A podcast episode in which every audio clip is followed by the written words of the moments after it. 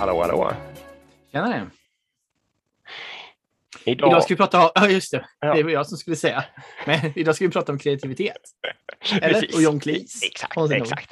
Nej, jag har lyssnat på en fantastisk eh, prata av John Cleese som är från 1991 som heter Creativity in Management eller något sånt där. Mm. Eh, du frågade mig innan här om, den var, om det var humor och ja, det är humor och han tycker att humor är en av de absolut viktigaste grejerna för att liksom kunna vara kreativ. Jag kommer till Mm. det. Och det är ju liksom en väldigt, väldigt seriös prat om hur man, alltså receptet på kreativitet och vad det egentligen är för något och så där också. Liksom. Just det. Eh, Så det är absolut ingen humor så. Ja. Ehm, nej, och nu ska vi se, jag ska inte, nu har vi bara fem här, jag ska försöka få till det här nu. Eh, Så att liksom, Mm. kreativitet enligt honom då, det är inte en medfödd eh, grej eller något sånt där liksom. Eh, Mm. Och inte ens en ability tror jag han säger, utan han säger att det är en way of operating, så det är ett sätt som man kan göra saker på.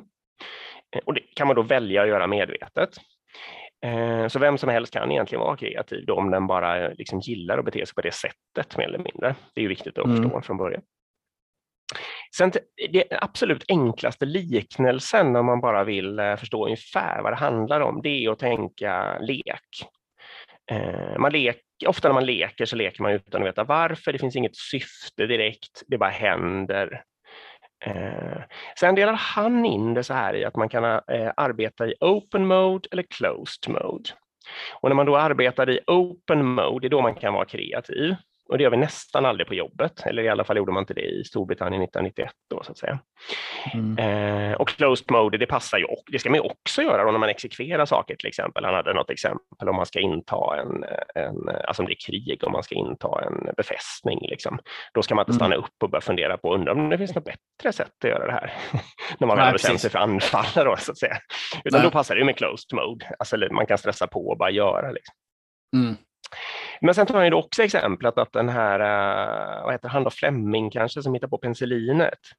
Eh, Mm. Om han hade varit i closed mode när han kom den där morgonen och såg sina de här fem skålarna eller vad det var där det inte hade skett någon bakterietillväxt, eh, då kanske han aldrig hade funderat över vad det var som hade hänt, utan då hade han bara diskat dem där och liksom Gått och druckit kaffe. Mm. Ja, exakt. Gått vidare med nästa arbetsuppgift.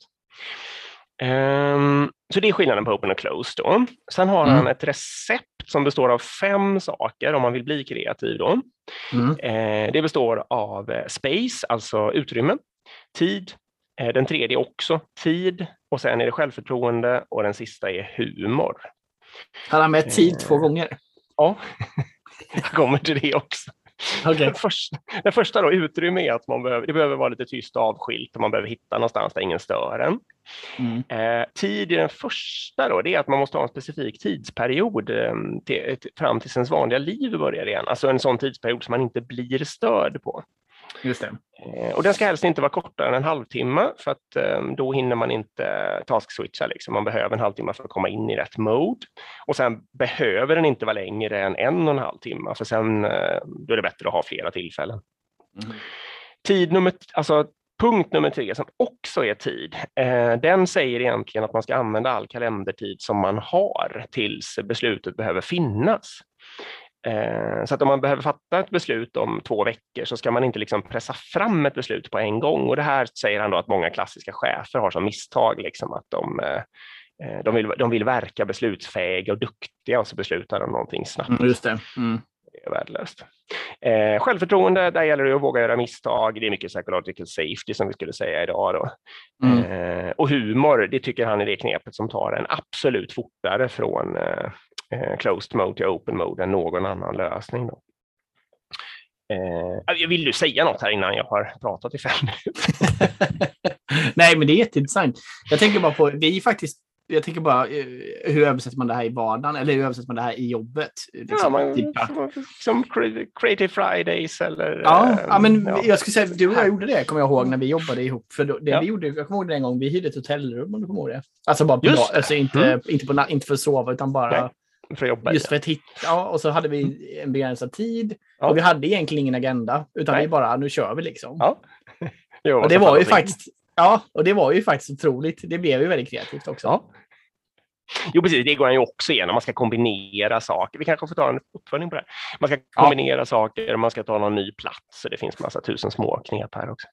Just det. Eh, men det var fem. Ja, bra. Tack mm. för det. Vi hörs. Tack för idag. Det gör vi. Hej. Hej.